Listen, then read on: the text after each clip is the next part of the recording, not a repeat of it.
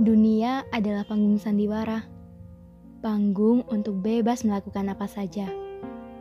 Panggung untuk menampilkan ekspresi. Panggung untuk menampilkan kebahagiaan. Panggung untuk menampilkan kesedihan.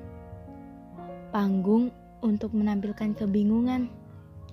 Lakon utama dalam panggung sandiwara bernama manusia. Manusia sebagai lakon cerita. Setiap manusia punya karakter berbeda. Karakter yang menjadi identitas keunikan. Karakter yang menjadi identitas kepemilikan. Karakter yang menjadi identitas kejujuran. Manusia sering lupa. Kebebasan bukan berarti bebas. Ada batasan dan ada aturan. Menjadi manusia sebagaimana manusia menjadi manusia baik dan menebar kebaikan sesama. Yang terpenting, manusia yang akan tetap menjadi diri sendiri.